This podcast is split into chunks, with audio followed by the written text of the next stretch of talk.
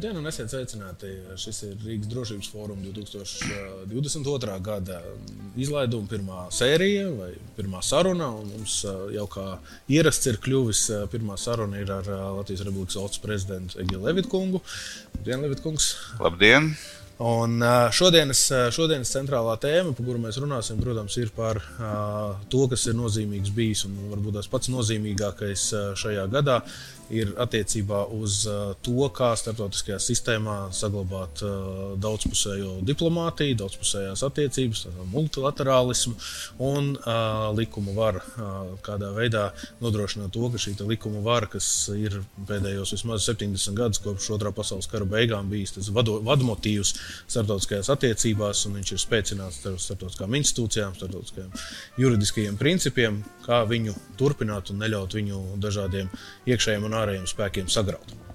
Un tas arī varbūt tās arī būtu tas mans pirmais, pirmais jautājums, jums, kas jums šķiet, kas ir tie, tie, tie, tie bīstamības, acīm redzamākā bīstamība tam, ka šī starptautiskā sistēma var tikt mainīties atpakaļ uz mums ne, nevēlamo vai mazām valstīm kopumā nevēlamo 19. gadsimta modeli vai impēriskuma modeli, kas ir pastāvējis daudz, daudz gadsimtus un tūkstoši iepriekš. Jā. Uh apvienotās nācijas 1945. gadā iedibināja jaunu pasaules kārtību, pasaules miera kārtību. Un šī pasaules miera kārtība balstās uz starptautiskajām tiesībām. Starptautiskās tiesības ir absolūti visu valstu interesēs, ilgstošās interesēs, jo tieši starptautiskās tiesības nodrošina mieru. Es gribētu uzsvērt šo uh, saistības starp starptautiskām tiesībām, starptautisko tiesību ievērošanu un mieru. Un nodrošināt mieru, es teiktu, ir globālās pasaules kārtības primārais un augstākais uzdevums. Un tas līdz šim arī lielā mērā ir izdevies kopš 45. Eh, gada, tātad eh, vairāk kā 70 gadus. Ir tikai bijis viens precedents, kur um, kur šī miera kārtība tika traucēta, un tas bija Kuveita. Kuveitas, eh, Irakas invāzija Kuveitā ieņēma, anektēja Kuveitu, bet pēc tam um, apvienot, uh, Savienoto valstu vadībā kopā kādas 50 valstis organizēja uh, militāru uh, Kuveitas atbrīvošanu. Un, uh, ne jau tāpēc, ka tās valstis bija ļoti uh, sakot, tuvu kueitai, bet gan tādēļ, ka tas bija līdz tam pirmais uzbrukums starptautiskai miera kārtībai un nodrošināt mieru katras valsts interesēs. Es gribu uzsvērt, ka pat labāk Krievijas agresija pret Ukrainu, tāpat kā Irākas agresija pret Kuveitu pirms tam, pirms 30 gadiem, Eh, tā, tas nav reģionāls konflikts starp divām valstīm. Eh, jo šeit ir pilnīgi skaidri eh, mērķi ieņemt, anektēt, iznīcināt otru valsti. Tas nav teritoriāls strīds, un patiešām teritoriālu strīdu arī pēc otrā pasaules kara ir bijuši pietiekoši daudz. Bet šis ir kvalitatīvi kaut kas cits. Un šeit tā tad pirmo reizi tādā apmērā Krievija savā, ar savu uzbrukumu Ukrainā ir uzbrukusi starptautiskajām tiesībām un starptautiskajai miera kārtībai. Un to pierāda arī e, tomēr pasaules valstu reakcija. Apvienotās nācijās e, nu, lielum lielais e, valstu vairākums nosoda šo agresiju. E, beidzamā rezolūcija bija pagājušā nedēļā, kur 143 valstis no kādām 190 Eh, nosodīja Krievijas agresiju, un Krievijai tikai četri vai pieci draugi, kas uh, ir Krievijas pusē. Krievija pati, Ziemeļkoreja, Eritreja, Sīrija. Varbūt vēl viena valsts, kad četras, piecas kopā. Uh, tas parāda uh, Krievijas izolāciju no vienas puses, bet no otras puses arī parāda to, ka pasaules valstu lielais vairums ir par šo miera kārtību, kas balstās uz starptautiskām tiesībām.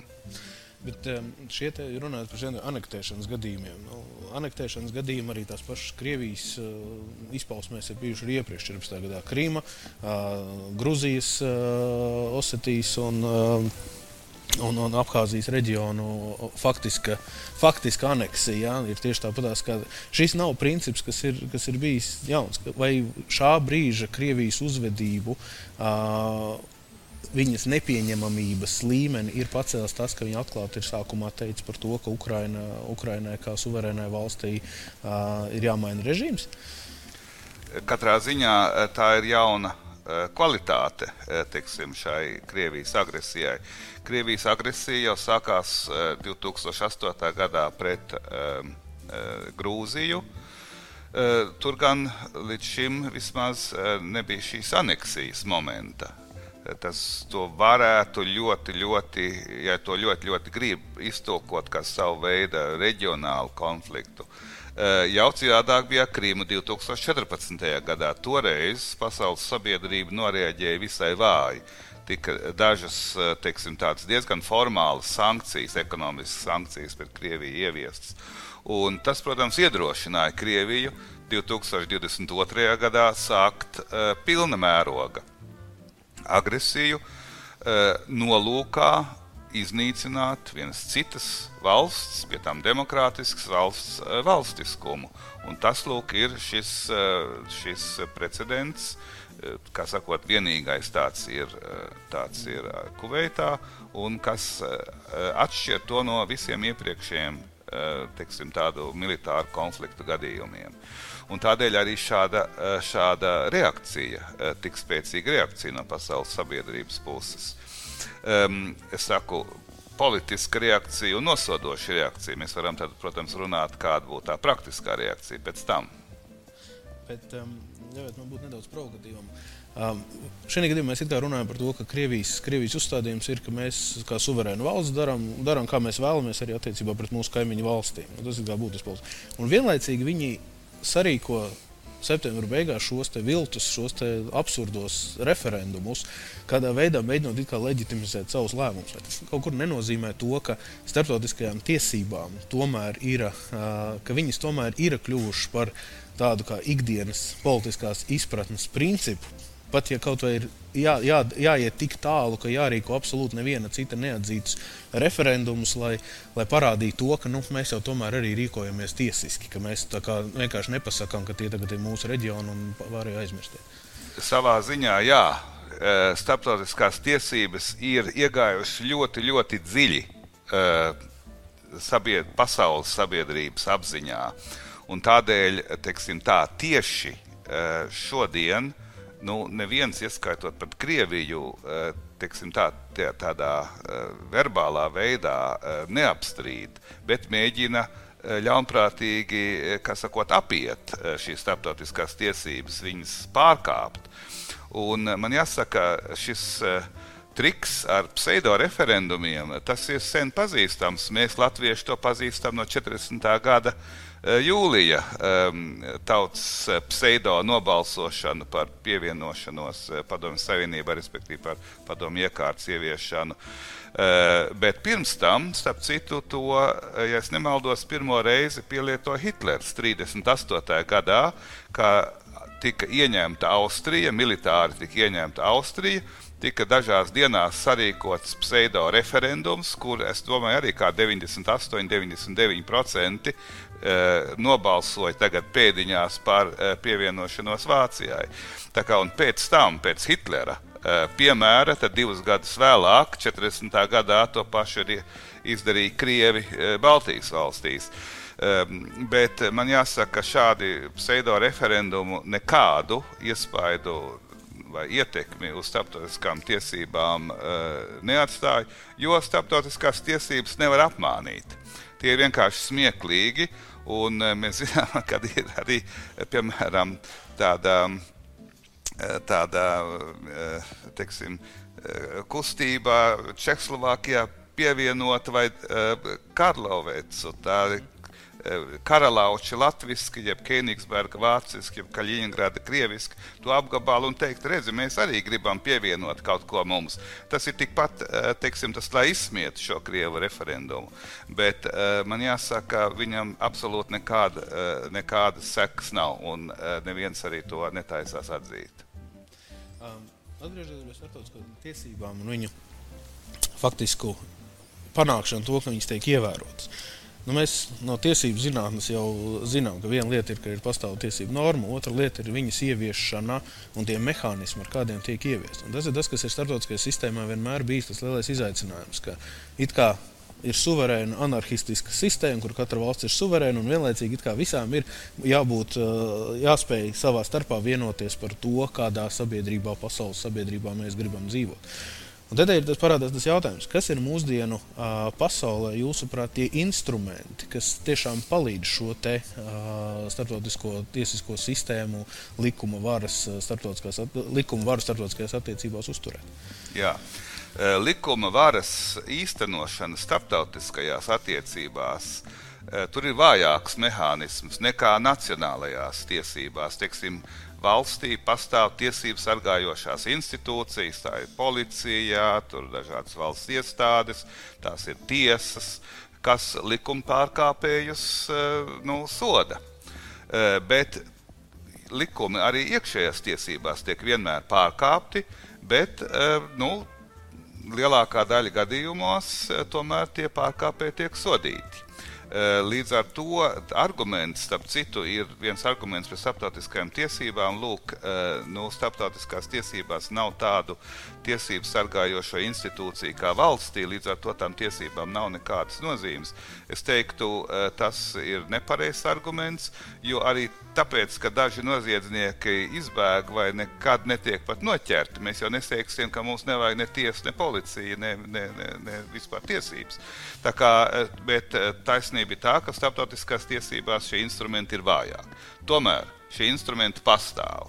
Un šie instrumenti pastāv uh, uh, tādā ziņā, ka pārējo valstu reakcija ir, uh, ir teiksim, tāda nu, nosodoša. Vispirms jau teiksim, verbāli nosodoša, bet arī dažādi citi ietekmes instrumenti citām valstīm, piemēram, tirdzniecības sankcijas. Uh, sankcijas pret attiecīgās valsts eh, pilsoņiem, eh, šīs valsts izolācija, tāpat arī ir atsevišķos gadījumos arī militāras akcijas. Un es atgādināšu vēlreiz to, ko es teicu par Kuveitu. Bija Kuveitas ieņemšana un aneksija izraisīja starptautisku militāru reakciju pret Iraku. Un šī toreizējā reakcija aprobežojās ar Eh, Kuveitas eh, neatkarības atjaunošana pēc sešiem mēnešiem, kad tika uzvarēta Iraka. Tur. Bet nu, šādas akcijas, protams, prasa eh, teiksim, tādu lielāku vienošanos, un Iraka, protams, nav tik spēcīga. Tos varēja, varēja izdarīt. Bet katrā ziņā pat labāk starptautiskās tiesības, man jāsaka skaidri un gaiši, un starptautisko miera kārtība šodien aizstāv Ukraiņi ar ieročiem rokās. Ukrāņi cīnās par starptautisko mieru, Ukrāņi cīnās par starptautiskajām tiesībām. E, un mēs, tas ir visas pārējās e, valstis, kas atzīst starptautiskās tiesības, mūsu uzdevums ir e, visiem spēkiem palīdzēt Ukraiņiem šo, šajā cīņā, Ukrāņi cīnās, protams, arī uh, par savas valsts uh, teritoriālu integrā, integritāti, bet vienlaicīgi viņi cīnās par mums, par latviešiem, par Eiropu, par pasauli. Un tādēļ arī šāda reakcija no uh, citām valstīm. Amerikas Savienotās valstis dod ļoti lielu militāru palīdzību. Uh, Latvija ir pirmā vietā pasaulē tagad palīdzības ziņā Ukrainai, Eh, procentos no iekšzemes koprodukta. Mēs eh, esam devuši šogad 0,9% no mūsu iekšzemes koprodukta palīdzībai Ukraiņai. Ukrainai pie tam liela daļa ir tieši militārā palīdzība. Otrā vietā ir Igaunija 0,8, tad nāk eh, laikam Polija, Lietuva 0,5 un citas valsts. Bet katrā ziņā tā arī šāda veida reakcija lai nodrošinātu ilgtermiņā starptautisko tiesību pastāvēšanu. Bet starp starptautiskās tiesības arī citādākā veidā tiek uh, aizstāvētas. Piemēram, neatzīstot uh, šāda veida aneksiju, un uh, mēs, Baltieši, esam vislabākais piemērs. 50 gadus Latvija bija okupēta un anektēta, bet Rietumvalstis to neatzina nekad par Padomju Savienības teritoriju. Un tas, protams, deva arī gan mums, latviešiem, gan arī starptautiskajās tiesībās tādu zināmu pakāpšanās iespēju, lai pēc tam atgūtu savu neatkarību. Jo, ja kaut kas nav atzīts starptautiskajās tiesībās, tas nozīmē, tas ir nedroši un tas nav uz ilgu laiku. Un tādēļ arī visas valstis, tiksim, tas, kas to kaut ko ir darījušas, mēģina panākt šo atzīšanu, bet to mēs, tas atkarīgs no mums. Mēs, protams, to neatzīsim nekad. Tas arī viens instruments, kā nodrošināt ilgtermiņā starptautisko tiesību īstenošanu. Es politikas zinātnieks būdams, man noteikti būtu tāda ķecerīgāka doma par vēl vienu instrumentu, kas arī nereti ir 60. Mm. gados. Viņš arī tika pieminēts, ka nu, pasaules policists. Vienā gadījumā runa, runa ka uh, starptautisko tiesību kārtību šobrīd, nu, kā jūs sakat, un lai nemazinātu, protams, Ukraiņu nopelnus un centienus un, un, un, un sasniegumus un nozīmīgumu. Uh, bet ASV, Amerikas Savienotās Valsts otram pasaules karam beidzoties, bija nu, ja mēs varam tā runāt akadēmiski par hegemonistisku situāciju, tad tas varbūt tās pirmie desmit gadi pēc, pēc otrā pasaules kara. Un tas ir tieši tas laiks, kad starptautiskā tiesība principi, starptautiskās tirzniecības principi, ANO kā globāla, globāla organizācija tiek dibināta. Tas ir savu, savu veidu bezprecedenta gadījums, kad pasaulē varenākā valsts pēkšņi pasakā, nu, mēs esam gatavi, ka jūs visas pārējās valsts mūs sasaistat un ierobežojat ar šiem te, um, līdzekļiem. Tad, protams, ir tas uh, stāsts par to, ka 90. gados jā, pasaules policists, un tad īsti nevar, nevar vairs arī atļauties šo te. Tad mēs atkal redzam tos centos piemērus, kas ir šobrīd bijuši uh, Sīrijas kara gadījumā, kad arī Trumpa administrācijas laikā, un tas bija Trumpa administrācijas laikā, kad šī ķīmisko ieroču lietošana tika atbildēta no ASV puses ar bombardēšanu, kas šajā gadījumā parādīja to, ka ir priekš ASV arī ir kaut kāda limita, cik tālu režīmu drīkst aiziet. Savu veidu reakcija arī savu laiku ir uz Kadafī režīmu draudiem atrast katrā, katrā, katrā skapītī un iznīcināt apstiprināt viss, kas faktiski liecināja par to, ka tur par briestošu genocīdu. Un visbeidzot, šis, šā brīža situācija ar kodolieročiem, kad ASV faktiski ir mm, pusoficiāli, neoficiāli pateikuši, ka, nu, ja tas tiek, ja Krievija tiešām tos lietos, tad reakcija būs. Vai šajā gadījumā mēs kaut kur savā veidā neaizmirstam šo aspektu, ka tas ir tas viens no tiem instrumentiem, lai cik tas paradoxāli nebūtu, tāpat tās vēl joprojām ir Amerikas Savienotās valsts, kad tas, tas policista, policista elements, tas, tas, tas spēka elements starptautisko tiesību principu turpināšanai faktiski tomēr no vienas valsts puses nāk. Jā, katrā ziņā, eh, lai īstenot starptautiskās tiesības, ir dažāda veida eh, spēki. Tagad es saku, gan ir ekonomiskais spēks, politiskais spēks, arī tā saucamais soft power, eh, piemēram, pievilcība. Mm bet, protams, arī uh, militārais spēks. Uh, par to pievilcību varbūt viens vārds. Um, rietumu uh, dzīvesveids vai rietumu brīvība ir pievilcīga uh, pasaulē, ārpus rietumiem. Ir ļoti daudz cilvēku, kuri labprāt uh, dzīvotu tā kā rietumos, bet, nu, tie, nu, at, bet attiecīgais režīms to, to neļauj, un tāpēc ir dalījums, demokrātiskās valsts no vienas puses un arī autoritārās, pusautoritārās no otras puses. Ir uh, grūti iedomāties, teiksim, šeit uh, Latvijā vai, vai, vai uh, nu, kādā citā rietumvalstī, ka būtu ļoti liela pievilcība tādiem režīmiem kā Ziemeļkoreja. Un, un cilvēki teiktu, ah, ieviesīsim tādu režīmu kā Ziemeļkoreja, tur viņi dzīvo labi. Es domāju, tas šī soft power ir ļoti svarīgs jautājums. Arī, piemēram, augstā kara laikā uh, bija maz cilvēku, kas gribēja tādu režīmu kā Padomju Savienība, bet to otrādi bija daudz vairāk. Tā kā tas ir, bet atgriezīsimies pie, pie, pie jūsu jautājuma par uh, militāro varu. Protams, um, starptautiskās tiesības nav kaut kas abstrakts, uh, kas, kas sako, darbojas pats no sevis. Tur ir jābūt valstīm, kas atbalsta starptautiskās tiesības un liek lietā savu, savu vāru, saku, ekonomisko vāru, eh, arī soft power, bet arī militāro vāru. Un šajā gadījumā eh, Amerikas Savienotās valstis, kā demokrātiska valsts ar savām vērtībām, eh, tas bija zināms, uzskatīts par savu zināmu morālu pienākumu tomēr šīs vērtības un arī eh, starptautiskās tiesības, kā pasaules miera kārtība pamatu, eh, aizsargāt arī ar militārām intervencijām, kur tas bija iespējams. Tā kā, vai vēl labāk ir, teiksim, vislielākā vāra, visefektīvākā vāra ir tā, kuru tu neizlieto.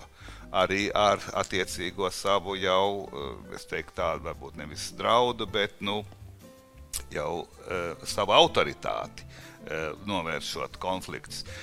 Uh, un tas bija svarīgs, jo svarīgi uh, teiksim, pirmos 35 gadus pēc uh, Otrā pasaules kara, tā saucamā augstā kara laikā, kad Amerikas Savienotās valstis vadīja tā saucamo rietumu bloku Eh, kas eh, nodrošināja arī mieru 35 gadus, izņemot eh, teksim, atsevišķas teksim, izolētas kara darbības trešās pasaules valstīs, kur Padomju Savienība mēģināja sakot, paplašināt savu ietekmes sfēru, bet nu, nevienmēr veiksmīgi.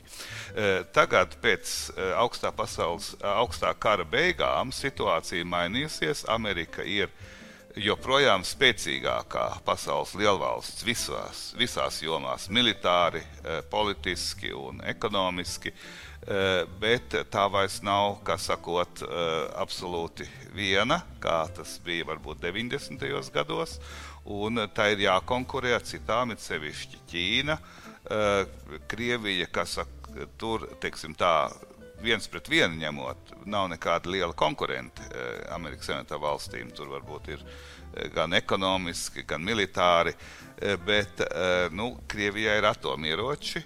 Un šeit ir pastāv zināms līdzsvars starp uh, Amerikas uh, atompotenciālu un Krievijas atompotenciālu. Un šeit darbojās līdzīgs mehānisms kā, otrā, kā um, augstā kara laikā.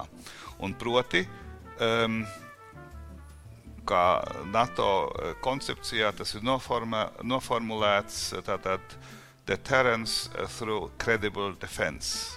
Tātad atturēšana caur um, ticamu militāru potenciālu. Un tas nozīmē sekojošo. Tas arī Baidens pirms divām vai trim nedēļām jau ir to skaidri teicis. Ja Krievija lietos taktiskos atomieročus Ukrajinā, tādā gadījumā uh, sekas Krievijai būs katastrofālas. Un tas ir ļoti nopietns uh, teiksim, statements, un līdz ar to arī šīs doktrīnas, doktrīnas izpausme, kā, teiksim, lai, kā, lai, lai atturētu Krieviju to pielietot. Jo, ja Krievija zina, ka Krievija zaudēs, eh, ja viņi kā pirmā lietos atomieročus. Eh, un nav arī pateikts, kādā veidā šie, šī, šī katastrofālā sekas Krievijai būs, bet ar to tā jārēķinās. Ir.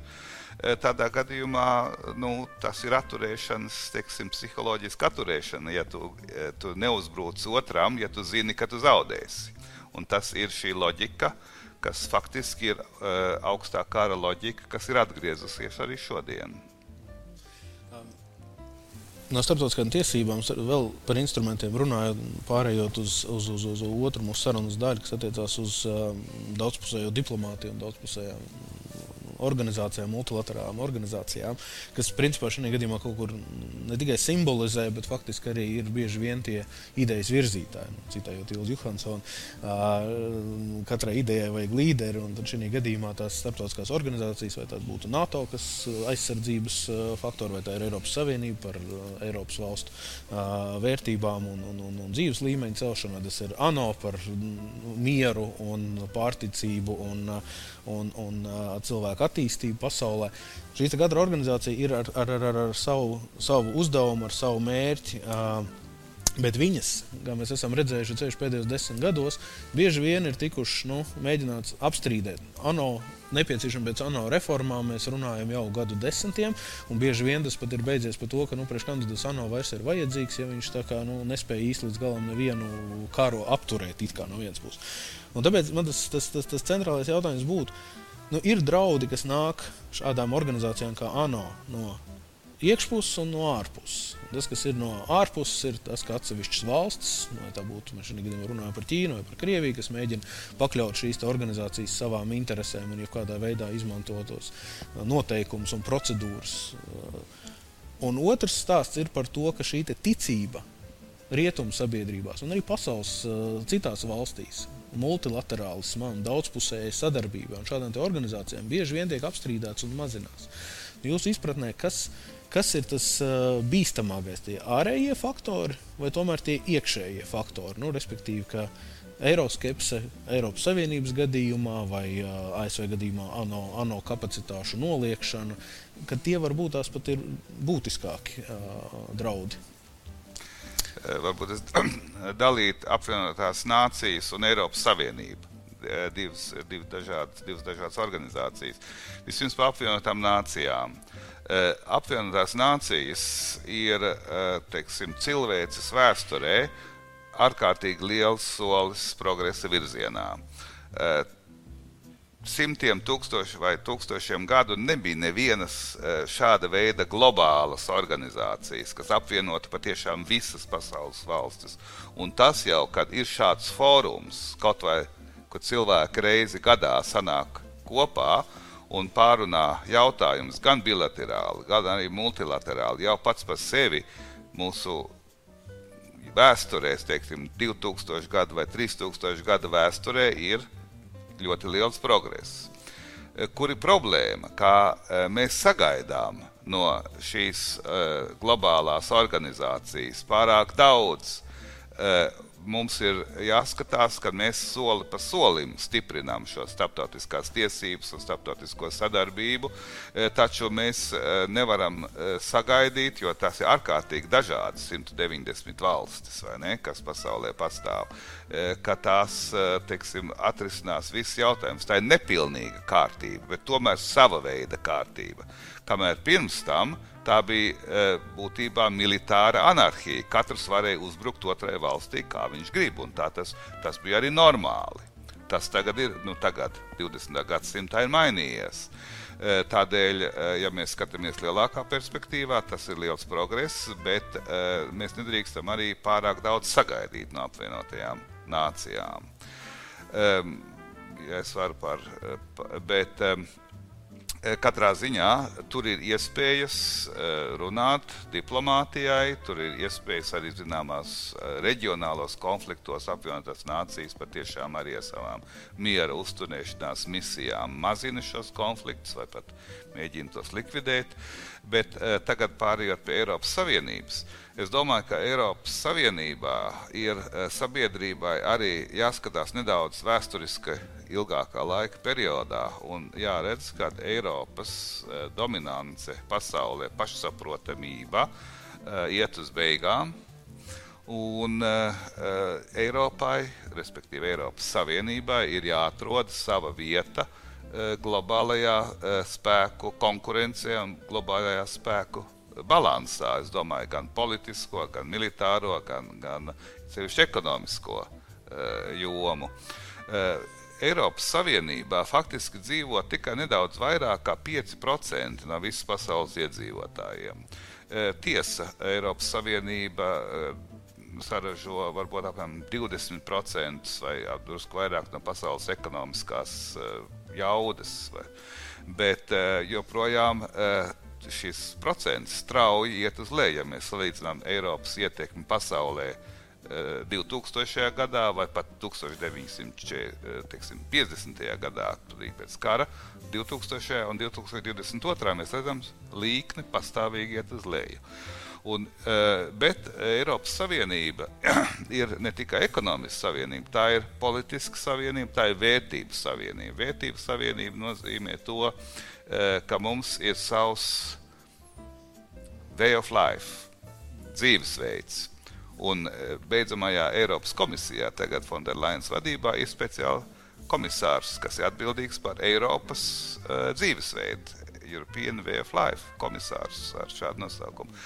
Ja mēs gribam saglabāt šo savas vērtības un savu, savu uh, dzīvesveidu, kas ir demokrātija, tiesiska valsts, kas ir brīvība, uh, tādā gadījumā nu, mums ir jāparūpējas, ka šajā pasaulē, kas nebūtu nedala mūsu vērtības, vai ne, e, ka mums ir tomēr jābūt pietiekoši spēcīgiem šajā, šajā um, pasaules globālajā konkurencē. Tādēļ ir nepieciešama spēcīga Eiropas Savienība, kas ir spējīga reaģēt ārpolitiski uz dažādiem izaicinājumiem, kas ir spējīga reaģēt uz dažādiem izaicinājumiem arī iekšēji.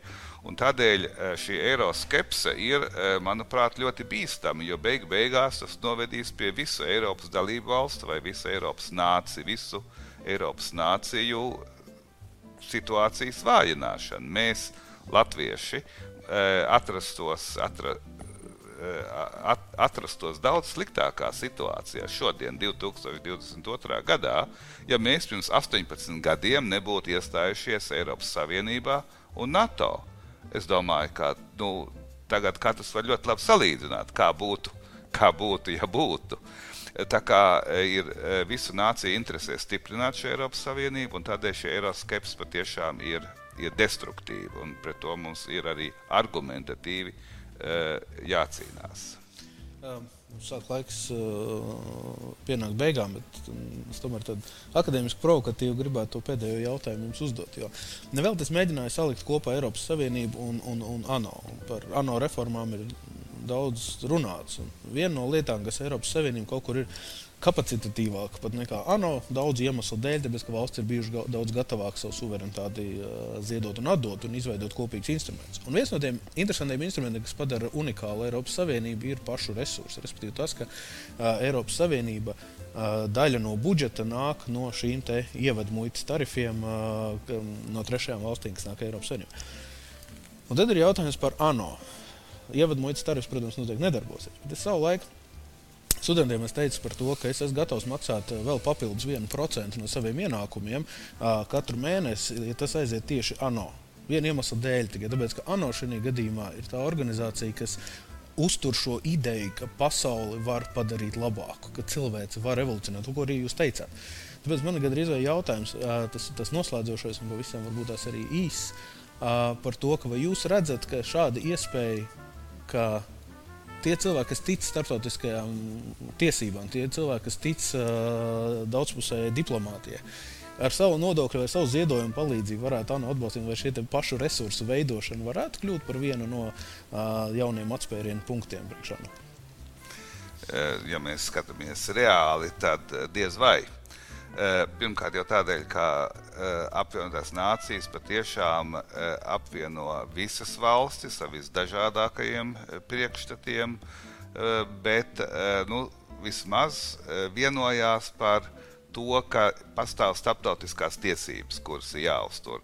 Nu, es teiktu, tā, tur noteikti nevajag vienu procentu, tur vajag ļoti, ļoti minimālu uh, procentu, bet uh, katrā ziņā apvienoto nāciju ienākumi varētu tikt uh, palielināt no dalību valstu iemaksām. Uh, ir varbūt vēl viens uh, instruments tieši tagad Krievijas gadījumā ir starptautiskais tribunāls, pa ko ir runa. Krievijas, kas iztiesātu Krievijas agresiju pret Ukrainu.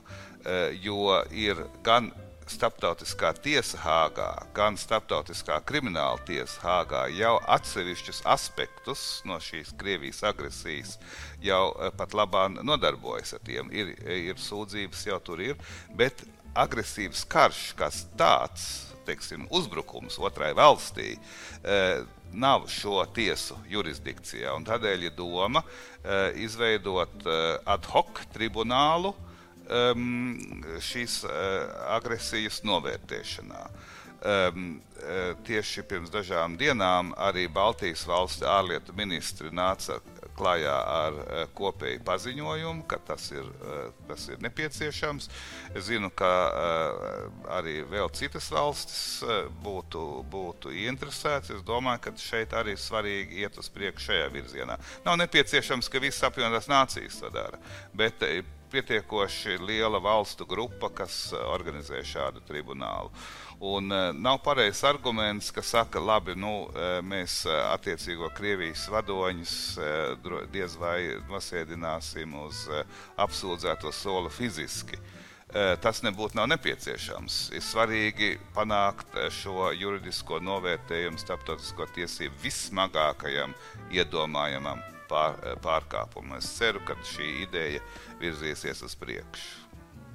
Paldies jums! Tas liek man aizdomāties, ka vēl viena lieta, kas varbūt mēs esam vienmēr runājuši par daudz ātrumu Eiropas Savienību, varbūt šajā gadījumā daudz ātrumu ANO pat arī kaut kādā lielā mērā ir potenciāls risinājums tālākai šo te starptautisko tiesību un, un, un, un multilaterālu organizāciju uzturēšanai, un primāri jau pašu ANO uzturēšanai.